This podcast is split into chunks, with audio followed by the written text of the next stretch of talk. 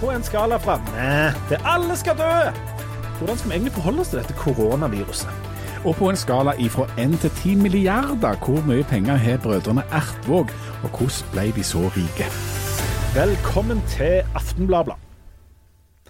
Du Jan, hvordan forholder du deg til sykdom?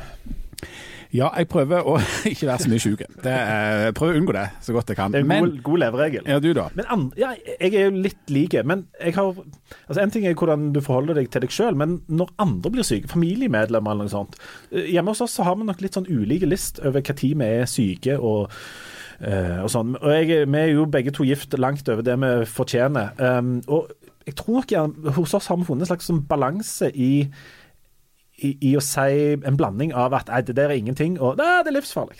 Vi har det sånn, uh, vi har det sånn hjemme hos oss at uh, hun som bestemmer, tar seg av dette med empati. Og så Det har du eh, outsourca. Ja, det er outsourca der. Sånn at vi har faktisk vært i noen uker nå der disse ungene har vært litt sånn Skrantne. Litt spying og litt feber, litt forskjellige sånne ting som dette. er. Og da er det jo alltid en sånn diskusjon på tid de er syke og tid de ikke er syke og sånt. Um, men, men, uh, men jeg er ikke veldig mye syk, og, og ungene mine er heller ikke veldig mye. Du, men du har jo virka som om du har vært syk egentlig ei uke. Du har så- hatt sånn mild korona. Ja, jeg, jeg har jo gått rundt og sagt at jeg har hatt korona lenge før på en måte det var, det var i Norge. Jeg har vært litt sånn hanglete og kunne sikkert vært hjemme, og så har jeg eh, gått litt på jobb og litt sånn. Jeg tror nok i, i, liksom i dagens eh, liksom koronaklima, hvis korona hadde vært påvist i Norge for tre uker siden, så hadde jeg nok hatt meg ei uke hjemme.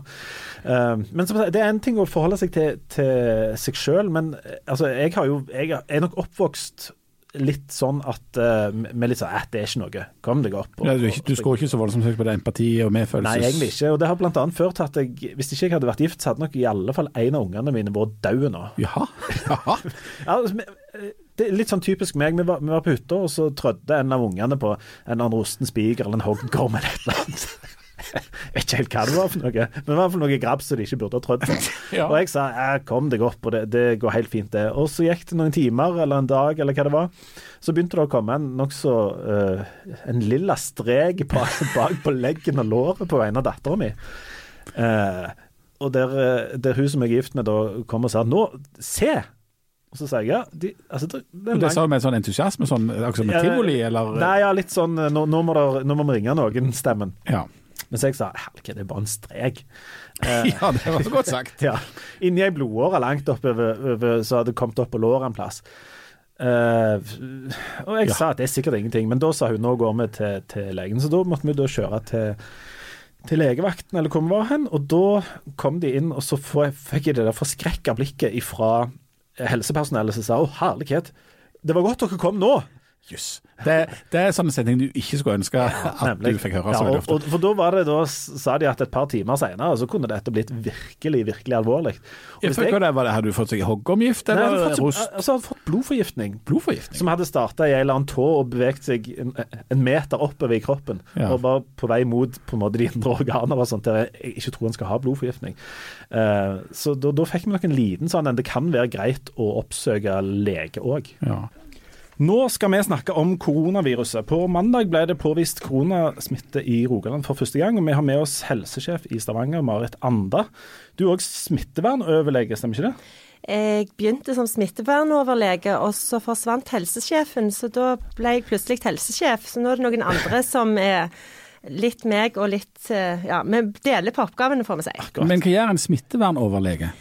Han eller hun har med lovgivningen som går på smittevern, så det har jo noe med at kommunen har forpliktelser i forhold til at eh, vi helst ikke skal ha smitte i befolkningen. Så til vanlig så er det kanskje litt sånn mindre ting som går under radaren for pressen. Det kan være litt kikhoste og magesjau i barnehager og norovirus på sykehjem. Og så av og til smeller det litt ekstra. Altså med influensasesongen så har vi mye å gjøre, særlig når vi driver med vaksinering. Da vil vi gjerne på besøk til Aftenbladet og NRK og få sagt litt om hva vi holder på med.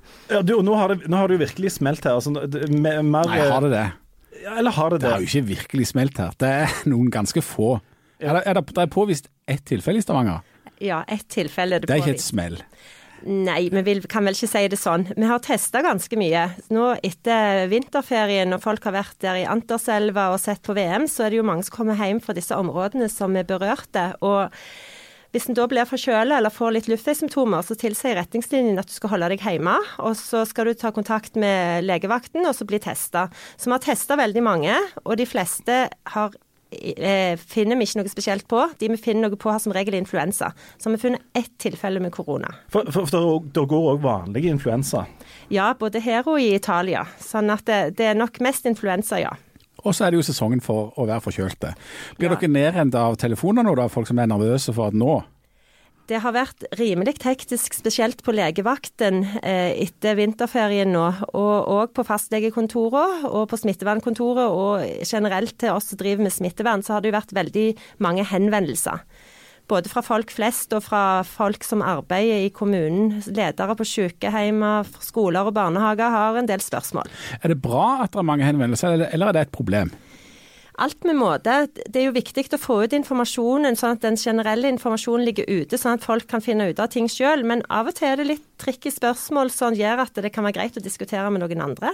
Og da er vi jo på tilbudssida så langt vi kan, og i hvert fall innenfor det som er ikke veldig lett å finne ut av sjøl. Hvis det er noen som virkelig er på tilbudssida nå, så er det vi som jobber i mediebransjen. Vi har jo eh, på en måte herrens glade dager eh, når, når det skjer sånne ting som dette her, som er veldig dramatisk. Og så skal vi da òg prøve å formidle dette på en, en eller annen fornuftig måte. Kan vi ikke si det, Jan? At vi har, Ja, altså, Noe av dilemmaet er jo hvor dramatisk dette er. Altså Nå, nå for tida så er det jo sånn, og dette er lurer på nok dere i, sånn, i helsemyndighetene òg sikkert tenker over, men for oss er det jo på en måte en god sak, og god da i hermetegn, eh, hver gang vi kan sende ut et sånt push-varsel om at oi, nå er det en som er smitta i denne kommunen og i den kommunen.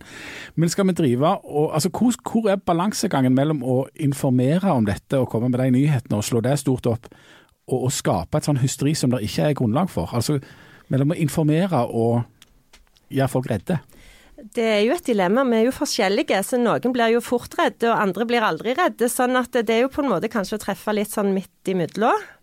At en har saklig informasjon, men ikke prøver å gjemme vekk ting eller bagatellisere ting. Men heller ikke tenke verstefallstenkning hele tida. nå, nå eh, kan vi jo anta at de fleste kanskje får informasjonen sin nettopp fra massemediene i Norge. Sånn som Aftenbladet, NRK, og VG og TV 2 og sånn. Hva, hva syns du om den uh, måten dette blir dekt på i, i disse mediene? Er den informasjonen uh, rett? Er det, er det, hva syns du om mengden? Det er jo veldig mye, eh, og kanskje litt mye av og til. Samtidig så er det jo folk som ikke får med seg alt. Sånn at det er jo greit at det kommer god informasjon i flere kanaler. Eh, vi i kommunen har vel hatt mest med den lokale pressen å gjøre, med, med Aftenbladet. Aftenbladet, vi må innrømme at Aftenbladet er utrolig gode på dette. Ja, jeg syns egentlig lokal presse generelt har vært veldig edruelige. Altså Vi har god diskusjon og godt samarbeid, og får hjelp til å få ut de tingene som er viktig at folk vet. Det med at en skal ikke ringe ned legevakten eh, på hver minste ting som har med korona å gjøre, for da kommer jo ikke andre folk gjennom som har vondt i brystet eller feiler noe akutt og trenger rask hjelp. Da er det jo bedre å bruke det der nasjonale nummeret hvis en har behov for generell informasjon. Og det vil jeg gjerne si, det er eh, 50, nei, det var Stavanger-nummer, det. Nei, det er 51 91 40 30 skal en ringe om en er smitta, står det her. Det må det være det, det lokale koronanummeret, men det er òg et nasjonalt nummer som kan brukes til mer generell publikumsinformasjon. Men en, eh, har en vært på ferie eller vært i disse landene med eksponering av smitte, og en får symptomer, så er det legevakten en ringer 116-117 med tanke på testing. Men alt det andre med spørsmål og sånn, det er veldig greit at ikke kommer til legevakten. For det Men vi skal, opp, vi skal ikke springe til legekontoret bare med hoste og herke litt. Altså, Vi går jo i sirkler rundt hverandre her med som Hvis du hører et lite host nå, så går jo folk eh, Ikke bort og klemme vedkommende. Nei, de gjør ikke det. Men, da, og da, er, som Jan sa innledningsvis, det er, jo, det er jo litt sånn sesong for å være litt sånn slerken og sånt nå. Hvor skal den der lista ligge hen? Når skal vi gå og teste oss og Jeg tenker det er forskjell på om du har vært i et land med koronasmitte der en har på en måte veldig klare anbefalinger om å gå og teste seg om du får de minste symptomer, og det som gjelder de fleste av oss andre som ikke har vært i verken i Kina eller Nord-Italia. Om vi hoster litt og sånn, så bør vi jo ikke begynne å hoste på naboene og sånn. Vi kan hoste i albuen og vaske hendene og bruke sprit på hendene, men vi skal jo ikke springe og gjemme oss. Og vi skal ikke springe til legen før vi på en måte merker at vi trenger noe hjelp. Men hvis du skal være helt ærlig nå. eh, Dette er jo altså en, en sykdom som veldig mange ikke får symptomer av i det hele tatt, og noen får veldig milde symptomer, så det går sannsynligvis masse folk rundt og har hatt korona uten å engang vite om det. Er det på noen som helst måte mulig å hindre at et land som Norge òg vil få samme smittesituasjon som det har vært i Kina og Italia, at dette kommer til å spre seg uansett hvordan vi snur og vender oss? Det er jo eh, graden av spredning vi er ute etter. De tiltakene vi gjør nå er jo for å få minst mulig grad av spredning. Men vi har jo fått det inn i landet, og vi må jo regne med at det blir flere som tester positive. Så er det jo på en måte begrensa særlig over inn i sykehjemmer og plasser der folk har, eh, er mer sårbare for å få alvorlig sykdom. Sånn at nå er det jo satt opp eh, skilt 'stopp korona' ut forbi på sykehjemmene. Har en vært i berørte land og skal besøke noen der, så bør en tenke seg om å heller gå hjem og vente at en ser at den har vært frisk i 14 dager. Dere som sitter på, på, fagkunnskapen her, har dere prognoser som, som, kan gi et skikkelig tall på hva en forventer at, at, dette skal bli? Har sitt, eh, jeg, jeg, har sett tall på, på 25 av befolkningen, sannsynligvis 40, 40, 40. 90. Og 90, og alt ifra på en måte at ingen kommer til å få det, til at alle kommer til, til å dø av det. Hva, hva, hva, eh, det siste vet vi at det stemmer ikke. ok, Da stryker vi den. Men, men, har dere noen prognoser på hva, dere, hva vi forventer? Eh, jeg tenker den strategien vi har med å begrensa smitte vil jo si at vi sikkert får færre smitta totalt enn det vi ellers ville få. Samtidig så er det en annen viktig ting, og det er at vi sprer de som skal bli syke, at ikke alle blir syke på en gang. For hvis både det er masse eh, vanlige innbyggere og folk med kroniske sykdommer som er syke og trenger hjelp fra helsevesenet, og samtidig der er en stor andel av helsepersonellet som er syke. Så det er en veldig dårlig kombinasjon. Så det at vi får på en måte heller litt færre tilfeller og bruke litt lengre tid på å bli ferdige med det, er bedre enn å få alt på en gang. Så det er på en måte to ting. Begrense smitte, og at vi ikke får alt på en gang, som er viktig. Og selve sykdommen, er det som en influensaepidemi, bare med litt høyere dødelighet? Det kan du godt si i korttekst. Det vi ser spesielt, er jo at det er veldig få eller ingen unger som blir syke. Eh, med influensa så kan jo det variere litt etter type influensa. Der kan en òg ha noen typer influensa der barn blir ganske syke. Mens her med denne koronavirusen så har det jo vært veldig lite sykdom hos barn. Influensaen rammer jo òg i hovedsak de eldre med grunnsykdom, så det er mye fellestrekk. Eh, det som er spesielt, er at vi har ikke immunitet i befolkningen mot den, denne nye. og Dermed så kan vi forvente òg flere syke blant helsepersonellet. og Det er litt det vi prøver å omgå, sånn at vi skal ha nok personell til å ta seg av de som blir skikkelig syke. Du, I løpet av de siste egentlig bare et par timene så har vi fått informasjon faktisk med ditt navn på fra skolen, eh, videresendt, eh, som, som, de har fått, som er blitt videre distribuert til oss foreldre. Vi som jobber i Skipsted har eh, via sånn intranettkanaler eh, fått beskjed om å unngå å eh, reise langt og være med på konferanser og lignende, med mindre det er helt nødvendig. Hvis du leser den der interninformasjonen din? jeg, jeg, fikk, jeg, fikk, et tips ifra, noen. Men, eh, og, og, så driver vi og planlegger litt eh, sommerferie, og driver, og folk skal reise vekk i påsken. Sånn.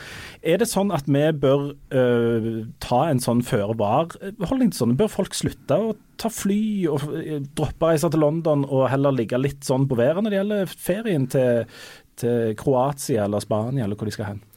Jeg tenker Vi forholder oss til de rådene som kommer fra Folkehelseinstituttet og Helsedirektoratet. Det er jo våre beste fagfolk. De har jo gjort vurderinger. For det er jo en vurdering opp mot om vi skal isolere oss og stoppe, hele samfunnet skal stoppe opp mot det å på en måte kunne leve normalt. og at eh, ja, Det er ikke bare bare å si at nå slutter vi med alt.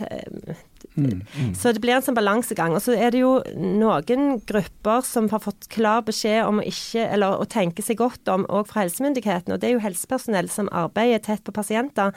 De har jo fått beskjed om å vurdere sine feriereiser framover, og helst unngå de områdene som har utbredt smitte. Men vi er vanlig dødelige, som i i dette tilfellet kanskje er et sånn dårlig ordvalg. Men, men Eh, bortsett fra det med å vaske hendene og hoste i papirhåndklær og sånt, er det noe annet vi bør gjøre? Bør vi slutte å gå på kino eller fotballkamper, eller Si nei nå. jeg syns dere skal slutte med alt som er kjekt. Er det så? Det er det dere vil jeg skal svare. Ja, nei, men, men er, vi ser jo at det er, er i, spesielt i noen områder så blir det når gjennomført f.eks. idrettsarrangementer da, uten publikum og sånt. Er, er, vi er jo ikke der ennå. Vi er ikke der ennå, men det er klart at dette er ting som blir vurdert eh, i, av beredskapsfolk og helsemyndighetene litt etter hvordan situasjonen utvikler seg. Foreløpig så har vi jo ganske god kontroll på de som er påvist smitte hos i, i Norge. at vi vi vet hvor det kommer fra. Og sånn som tilfellet her i Stavanger, at det er en person som har reist rett hjem når han har kommet hjem med symptomer og holdt seg hjemme og ikke sprunget rundt på kino og andre plasser. Eh, sånn at så lenge vi på en måte eh, lukker saken og har fulgt alle smitteveier og har rimelig kontroll, så er det jo ikke noe utbredt smitte der en kan tenke at hver eneste som hoster bak en buss kan smitte deg med korona. For Vi har ikke begynt å smitte hverandre i Norge, er det ikke sånn? Ja, det er akkurat det som er poenget. Ja, men det er bare, All smitten kommer fra folk som har vært i utlandet, hovedsakelig i Italia, av, det, av, den oversikten jeg så. Ja, i Nord-Italia. Med unntak av dette som har skjedd på Ullevål. Der, er det jo, eh, der ser en hvordan det går når folk på en måte kommer inn en plass med syke folk og har smitte med seg. Når en bare har dratt rett hjem og ikke vært på jobb, så er det mye enklere å holde kontrollen på det. Herlig ironi at det skjedde på et sykehus. huff og huff. Du, um, vi, vi som, eh, som, jobber i, i, mediene i dette, vi, bidrar jo, kan sikkert bidra til å skape ganske mye sånn frykt og hysteri, eller vi kan spre spre den informasjonen. Vi var litt inne på det tidligere, at uh, du, du, tenker at vi foreløpig har klart dette sånn noenlunde OK, eller uh, jeg tenker at det har vært ganske bra. Det som jeg har lest, at det er veldig mye saklig informasjon, og som òg har vært til direkte hjelp for folk i helsetjenesten, det at en går ut med informasjon om at eh, legevakten har stor pågang, prøver å ringe andre steder og ikke belaste legevakten for mye. Det at det kommer fram i media hvordan en skal håndtere det hvis en kommer fra berørte områder. Altså, dette står jo veldig tydelig mange steder. Men er det sånn at en viss grad av, eh, om ikke frykt, så i alle fall liksom bevissthet i befolkningen hjelper på at dette ikke sprer seg?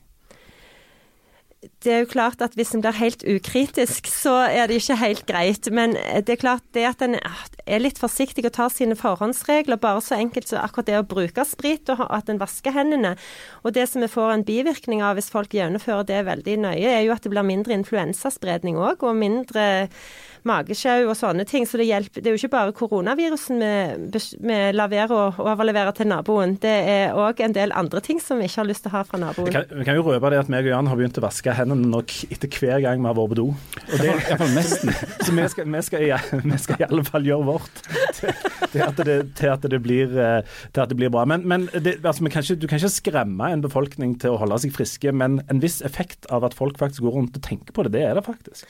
Ja, samtidig så må vi ikke dra det altfor langt, sånn at folk blir redde for å bli med på ting som egentlig er ganske greie å være med på. Den, eh, det er litt det der med den gylne middelvei å bruke fornuft. Og så tenker jeg at vi får gode råd fra de sentrale helsemyndighetene våre. Det er gjennomtenkt for å prøve å få en balanse på at det, samfunnet skal fungere samtidig som vi prøver å unngå smitte, og spesielt på de svake gruppene, eller de gruppene som er mest utsatt for alvorlig sykdom. Så det er jo derfor en har andre regler for helsepersonell enn folk flest.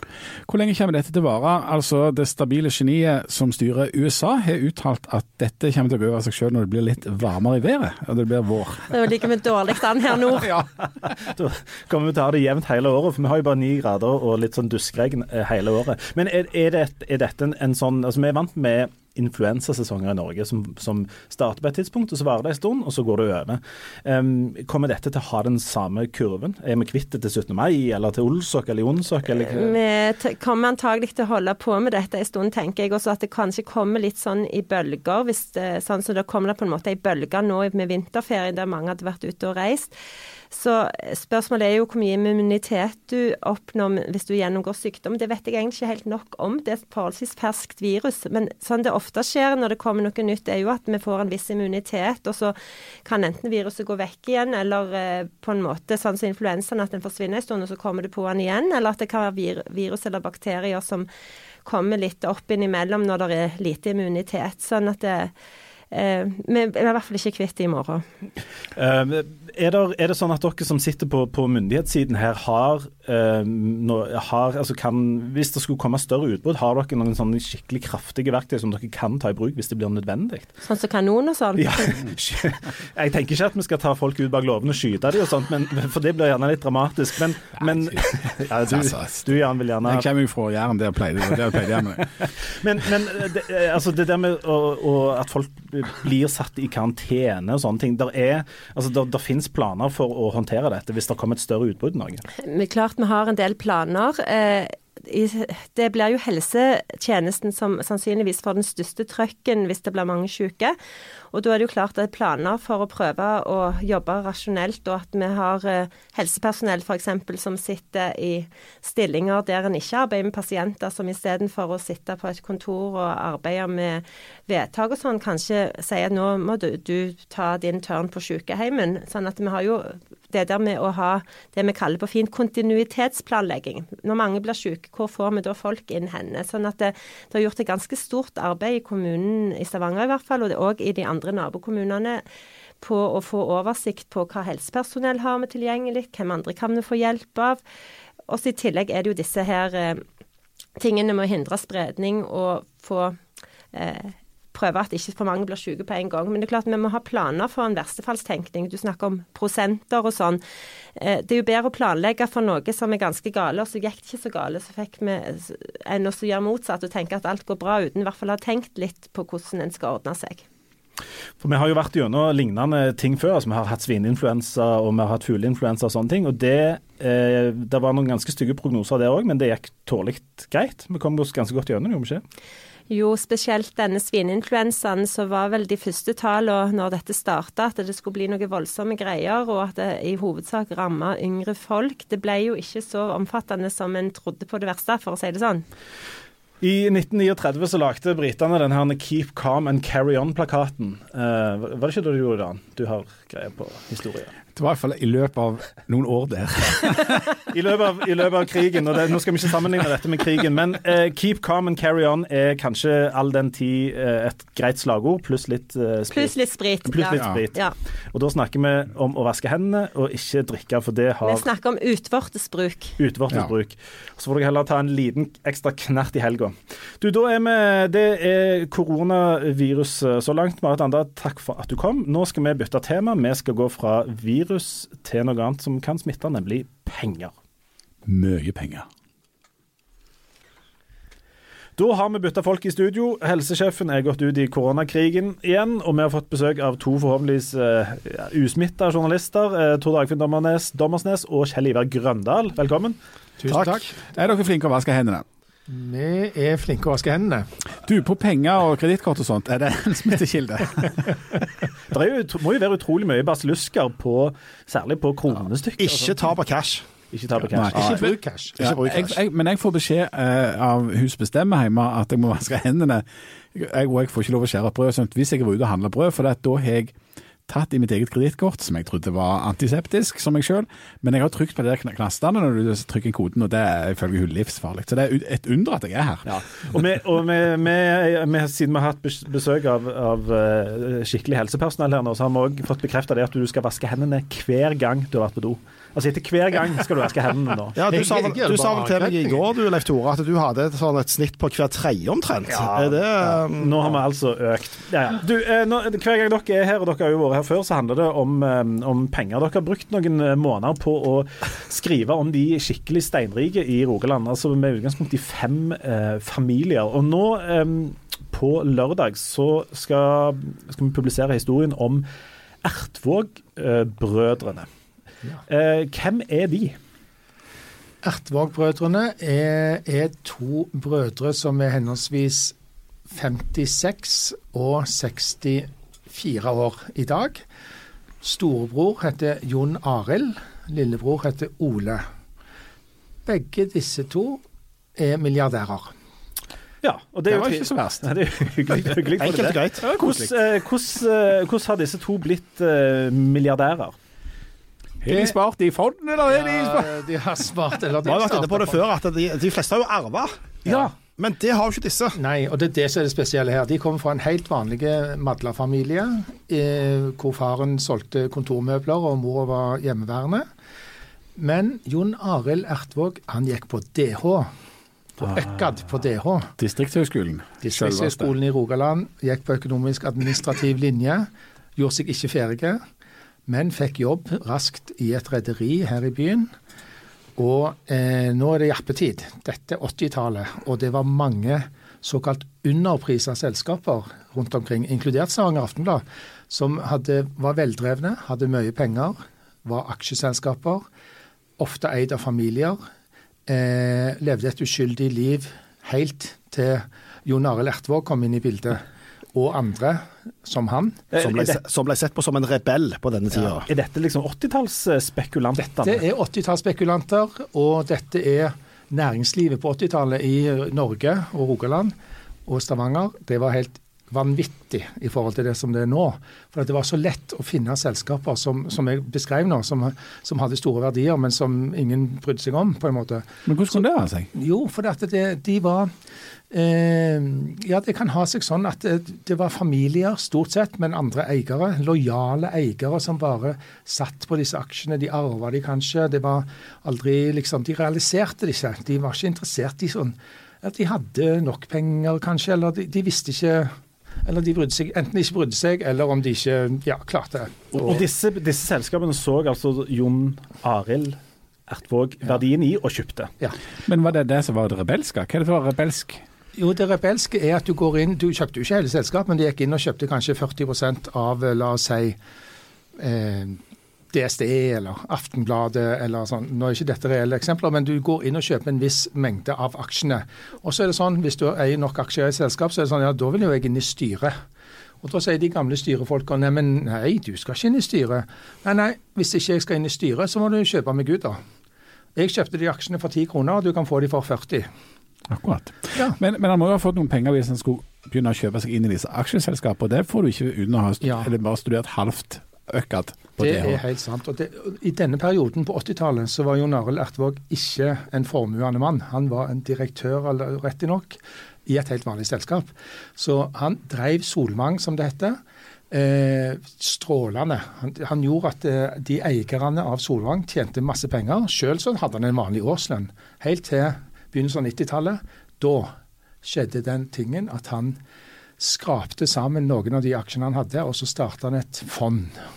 Rogaland, Rogaland Investering. Og den største aksjonæren der, det, var staten, gjennom et distriktsutviklingsfond. Og så kom eh, Jon Arild med på eiersida. Og de gjorde noen fantastiske investeringer. Og han bare kjøpte seg opp og opp og opp i sitt eget fond, eller i dette Rogaland Investering. Og til slutt, på slutten av 90-tallet, så hadde han kjøpt ut til og med staten av det fondet, og eide det sjøl. Og da er vi over i en sånn periode der du istedenfor å jobbe for penger, så får du pengene til å jobbe for deg. Ja, det er det de gjør. Og så har vi en bror her som er hva er han, åtte-ti år yngre, eller noe sånt. Ja, åtte år yngre, ja. Ja, Hvordan har han tjent penger? Har han vært med storebroren og bare stått og blasset? Bare en liten sånn tillegg der til Jon Arild. Det var sånn han bygde seg opp. Så har, det, har han jo gjort masse salg i ettertid her. F.eks. For eksempel det mest kjente salget er gjerne Tidenes bilhandel med Bavaria, som da heter Mikla-gruppen. Så han s- solgte til et svensk konsern. Og var, Der dro de inn eh, totalt Øgreid-familien og Ertvåg-familien, som, eh, som hadde dette sammen. De, de solgte for tett opp mot 1 milliard kroner. Altså 900 pluss var, var summen der, med alt. Så han har gjort eh, store eh, suksesser, og i ettertid av jappetiden 80-90-tallet. Vi skal komme tilbake til dette med biler, fordi de er jo kjent for å både handle med biler og ha biler. Men, men eh, denne broderen, Ja. har han fulgt med på, på, på lasset på, Ja. på storebror her? Eller? Ja, nei, altså Ole Ertvåg, når, når han her, storebror, herja her i Stavanger i næringslivet og ble kåret i 96 kåra til en av de mest innflytelsesrike og mektigste folka, da var han jo tidlig i 30-årene. Det var helt vanvittig hvor tidlig han Jon Arild lyktes. Da studerte Ole Ertvåg på BI i Oslo. Der prøvde han bl.a. å kjøpe kantinen til BI pluss bokhandelen for å drive litt business. Det klarte han ikke. Men det han klarte, det var at han importerte privat Porscher, satte inn pleksiglass i bakruta og solgte de som varebiler. Da gikk prisen ned fra ca. 350 til 120 000 kroner. Og, og vi skrev jo om det her. Det, den eh, åpningen der den ble lukka, sånn, eh, av myndighetene etter hvert. Men dette var starten på Ole, eh, Ole Ertvåg sin business- eller forretningskarriere. da. Men det som så skjedde, det var at han så at broren lyktes. Jeg vil òg lykkes, dro han til Stavanger. Kom på intervju med Jon Gjedebo, som hadde starta Hightech. Og da er vi i oljebransjen, ikke sant? Da er vi plutselig i oljebransjen, og da var lykken gjort for Ole Ertvåg, for de to fant tonen, og ansettelsesintervjuet varte i timevis. Eh, og Ole Ertvåg fikk tre krav hvis han skulle få lov å jobbe i selskapet. Ok, Og det var Du må slutte å røyke. du må gjøre deg ferdig på BI, og du må skal gifte deg. For noen krav! Dagens, dagens status, sier Ole Ertvåg. Status i dag? Jeg er jækla godt gift. Så én av tre En av tre. er da innfridd der. Altså, det Han gjorde seg, han gjorde seg heller aldri ferdig på BI. Disse Høy, brødrene er ikke ferdig utdanna, noen av dem. Men du, også snakker med, altså, De er jo brødre, og, og de blir ofte omtalt som brødrene. Men de har sånn forretningsmessig ikke, ikke hatt så veldig mye med hverandre å gjøre nødvendigvis. De har ikke blitt rike i sammen, disse to. Nei, de, de har ikke det, og det er jo spesielt. De har eh, egentlig aldri samarbeida. De har nesten vært litt sånn eh, De er jo brødre og har trukket litt i hverandre og, og feita litt opp igjen. Og de, de har gått to helt ulike veier. Jon Arild har eh, drevet på med å bygge seg opp, som vi var inne på, på, på 80-90-tallet, med å kjøpe seg inn i selskaper. Han har òg gjort eh, gode eh, forretninger, sånn som salget av Bavaria og, og Mikla-gruppen.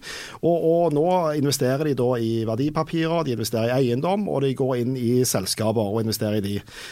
Mens Ole har da vært i Hightech Vision, som har vært i olje- og gassnæringen, og bygd seg gradvis opp der. Og det er noen enorme tall eh, i, i Hightech Vision-systemet. Altså Hightech Vision er jo et investeringsselskap som, eh, hvor du henter penger ute. og 80-90% av de pengene som de har henta, kommer fra USA.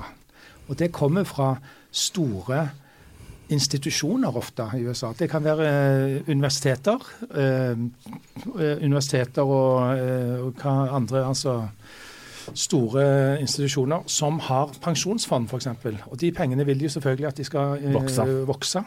Og da går de gjerne inn. Og Ole Ertvåg er flink å selge, og han sier at dere skal få 25% på disse investeringene hvis jeg Hvis jeg får låne, låne pengene deres i nå. Ja, da, men, men han må, må jo være voldsomt god i å få de pengene til å hvis han kan gi 25 avkastning det avkastning der. vært, ser du. Det har vært Ja. vanvittig. Du vet, oljenæringen her, ikke sant. Det var bare olje og gass. Det var bare sånne selskaper. Og det dere vet hvordan den utviklingen har vært fra 90-tallet og, inn, og til, til inntil to- to- 2014, kanskje, med, med noen dupper, selvfølgelig. Men, men sånn generelt så har det bare vokst og vokst og vokst. Hva, hva, hva er disse folka gode for i dag? Altså, hva, hva snakker vi om her? Ole Ertvåg er vel god for 3,5 milliarder kroner. Det er penger, det òg. Og, Kan og, kjøpe og broren skikkelig masse antibac for det? Eh, Broren er er god for eh, 1,7 milliarder kroner. Eh, dette ifølge Kapital. Eh, så dette er liksom sånn ju- verdijustert, eller sånn liksom reelle tall, da, mener de. Men det er jo ikke det heller. Det er vanske, veldig vanskelig å beregne. Og dessuten så er det to forskjellige formuer. For Ole Ertvåg, lillebror, han, hans formue er jo knytta til fondsandelene og ting i disse fondene. Og det, og det er ikke solgt ennå, på en måte. Altså det er framtidige inntekter som beregner framtidige inntekter. Den formuen store deler av den formuen. Mens eh, storebror, han har penger i banken. Du, også, også, disse to er jo også kjent på, på litt på hver sin måte for biler. Altså, Du eh, eh, nevnte at dette med Bavaria det, Hvordan i all verden starta de å komme inn i dette med biler? Altså, ja, nå eh, Først tok han lappen. Først tok han lappen. Og så, og, så, og så foreldrene, som jo er vanlige folk fra Madla. Jeg spurte ha- hadde faren en voldsom bil. Liksom. Nei, han skulle nok ønske han hadde det, men det hadde han ikke. Men etter hvert som han eh, begynte å tjene godt, og sånn, så kjøpte han seg jo eh, sånn noenlunde fine biler og en BMW. Og så satt han med en Hvem av de snakker vi om nå? Nå snakker vi om Jon Arild Ertvåg, Ja. eh, storebror. Og han og en kompis av han, ikke kompis, men en forretningsfyr i Stavanger som heter Steinar Olsen, som òg var en veldig sentral på 80- og 90-tallet, og fremdeles er det, for så vidt. Steiner, han og Steinar Olsen satt på et styremøte i et reklamebyrå som heter Fasett. Og etter møtet ja, det, jeg òg har BMW, og du og ja, ja, ja, det er jo elendig service på BMW her i byen. Ja, det var de skjønt om. Og så sa han ja, vi kunne jo pinlig gjort det bedre sjøl. Og sånn ble det. De ringte til BMW Norge. Spurte kanskje vi får starte heller. For at eh, Motorkompaniet heter det da. De som hadde BMW her i Stavanger. og De hadde solgt 19 BMW-er i 1994. Det er ikke godt nok. Det er ikke godt nok. Vi skal klare dette mye bedre enn Ja, men vi har jo en forhandler. Ja ja, men hvis vi bygger en ny, ny, nytt anlegg da, ute på Forus Vi bygger helt ny eh, fabrikk. Nei, ikke fabrikk, unnskyld. Butikk. OK, da. Og det var starten på det som var, ble Bavaria, som var Nordens største forhandler både av BMW og Porsche. Eh, så det, Og som de da etter hvert dro inn da eh, 900 pluss millioner på når de solgte da videre til de, dette svenske konsernet. Så han har, Jon Arild, storebror, han har på mange måter gjort god business på bil. Eh, men det er da eh, lillebror Ole som har den største bilinteressen. Ja, for det, han er kjent for å ha en, eh, en romslig garasje der det står en og annen, en annen brukt bil. Ja, han må jo, han, han må jo ha det i en, i en garasje der det, biler pleier jo å stå i en garasje. Ja, altså, Så jeg, regner, jeg regner med at han står i flere garasjer. Han har en enorm bilinteresse. Han har noen skikkelige perler. Han har, han har en stor bilpark, og den består av, eh, av et uh, bredt utvalg eh, luksusbiler, eller som han sjøl sier, klassiske biler. Eh, men da har han da Han har x antall Ferrarier. eh, jeg tipper, eller vi vet vel så anslagsvis at det er en eh, seks-syv eh, stykk. Og selve krembilen der, det er denne som heter Ferrari Le Ferrari. Ja.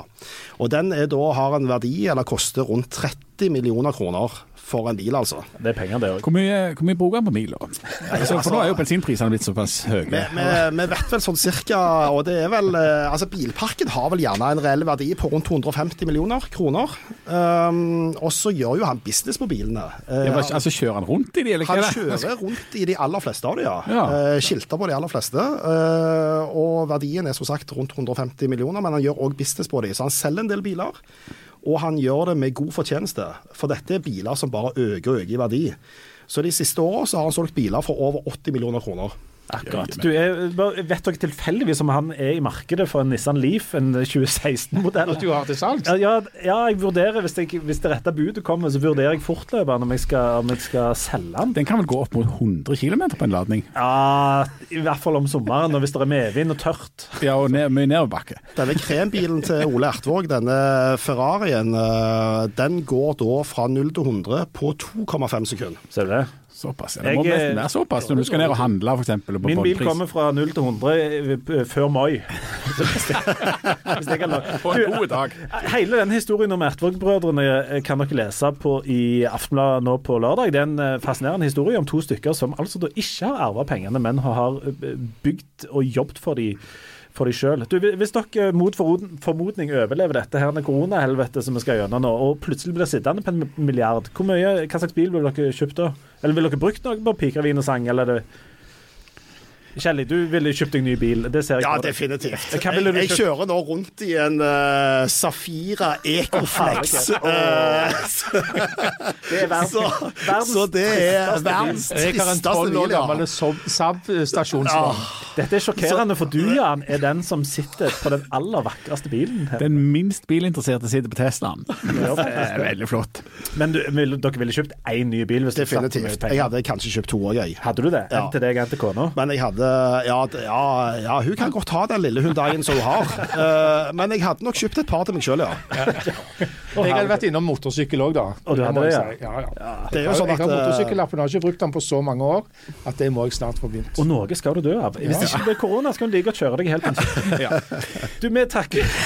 Og med de ordene lystige ordene der. så minner vi folk om å vaske hendene. Altså hver gang dere har vært på do, ikke hver tredje, sånn som har vært vanlig fram til nå, men hver gang skal dere vaske hendene. Og de av oss som fremdeles er oppegående neste uke, vi snakkes. Vi får nesten si lykke til. Det får vi. Ha det godt. Ha det godt.